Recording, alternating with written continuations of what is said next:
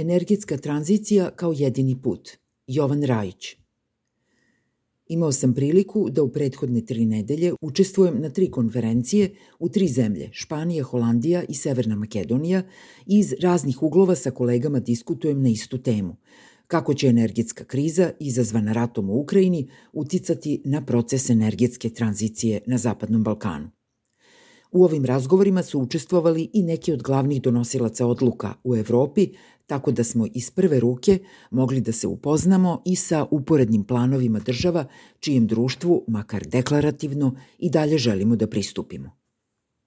Nemačka ministarka za Evropu i klimu Ana Lurman izjavila je da su obnovljivi izvori energije zapravo energija mira, jer će trenutna situacija u Ukrajini konačno primorati sve države zavisne od ruskih energenata, uključujući i Nemačku, da svoju energetsku politiku u budućnosti odvoje od Rusije, što će dovesti do ubrzavanja energetske tranzicije i potpune dekarbonizacije pre zacrtanih rokova.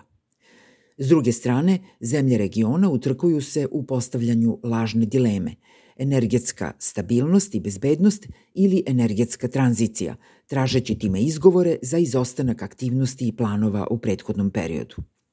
Treba podsjetiti da naše obaveze usklađivanja sa evropskim okvirom u pogledu energetske politike i dekarbonizacije ne počinju potpisivanjem zelene agende za Zapadni Balkan 2020. Od 2006. godine Srbija se kao jedna od potpisnica ugovora o osnivanju energetske zajednice obavezala da svoj pravni okvir i energetsko tržište uskladi sa pravnim okvirom Evropske unije. Pored toga, svaka od država potpisnica sporazuma o stabilizaciji i pridruživanju obavezala se da svoj pravni okvir kao i spoljnu politiku postepeno uskladi sa standardima Evropske unije. Umeđu vremenu Evropska unija je još 2009. godine definisala takozvane ciljeve 20-20-20. 20% smanjenja emisija sa efektom staklene bašte u poređenju sa baznom 1990. 20% povećanja energetske efikasnosti i 20% energije proizvedene iz obnovljivih izvora u ukupnom energetskom miksu. Ovi ciljevi su među vremenu ojačani od strane pojedinih država članica na nacionalnom nivou da bi 2020. evropska budućnost bez uglja konačno bila zacementirana zaključenjem Evropskog zelenog dogovora. Čak i ako ostavimo po strani situaciju prouzrokovanu agresijom Rusije na Ukrajinu i neusklađivanje sa sankcijama zemalja članica Evropske unije prema Rusiji, Srbija je nizom ugovora i preuzetih obaveza trebalo da započne energetsku tranziciju znatno pre potpisivanja Sofijske deklaracije 2020. Zbog čega ovo nije učinjeno? Glavni razlozi, po mom skromnom mišljenju, leže u kratkovidosti, populizmu i korupciji.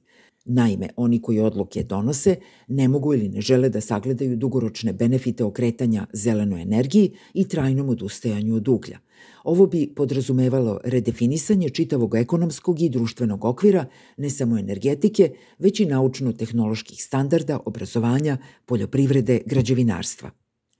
Kratkoročno bi svakako podrazumevalo i neke nepopularne mere poput gubitka poslova u rudarskoj industriji, što bi se odrazilo i na popularnost one političke garniture koja bi ovakve odluke donela, a na to nijedna vlast do sada nije bila spremna. Ovo bi se moglo i preduprediti adekvatnim socijalnim programom i prekvalifikacijama zaposlenih u rudarskom sektoru, ali za ovo opet nije bilo dovoljno volje i vizije. Konačno, nedozvoljene subvencije i korupcija koja uništava energetski sektor i sprečava nastanak slobodnog i samoodrživog tržišta energije ostaju velika boljka čitavog sektora, a javna preduzeća i pre svega elektroprivreda Srbije ostaju glavni rezervoar glasova stranke na vlasti dok se nestručni kadrovi, postavljeni na najvažnija i najodgovornija mesta, igraju sa energetskim sistemom, ali i sa našim životima. I dok se neko ko o tome odlučuje ne bude opametio i ne bude shvatio šta je neophodno učiniti, stanovnici Beograda, Valjeva, Pančeva, Smedereva, Užice i drugih gradova u Srbiji gušiće se u prekomerno zagađenom vazduhu i umirati od bolesti koje u velikoj meri prouzrokuje i neodgovorna energetska politika. Bojim se samo da će kada dođe ta zacrtana 2050. a ovaj cilj se samo može pomerati unazad, dakle biti postavljen ambicioznije, Evropa staviti ključ u bravu našim energetskim postrojenjima na ugalj, a da će kolateralna šteta biti zaposleni kojima država nije obezbedila alternative i prekvalifikacije, kao i povezane industrije koje se nisu na vreme tržišno preorijentisale. Ali tada će na vlasti biti neko drugi, pa neka se oni time bave. Zato kada vam kažu da je sada jedino bitna energetska stabilnost i da je energetska tranzicija svuda u drugom planu, ne govore vam istinu. To je još jedan beg od sobstvene odgovornosti i pokušaj da se zamaskiraju sobstvene pogrešne odluke. I zato energetska tranzicija sada i odmah nema izgovora i nema alternative.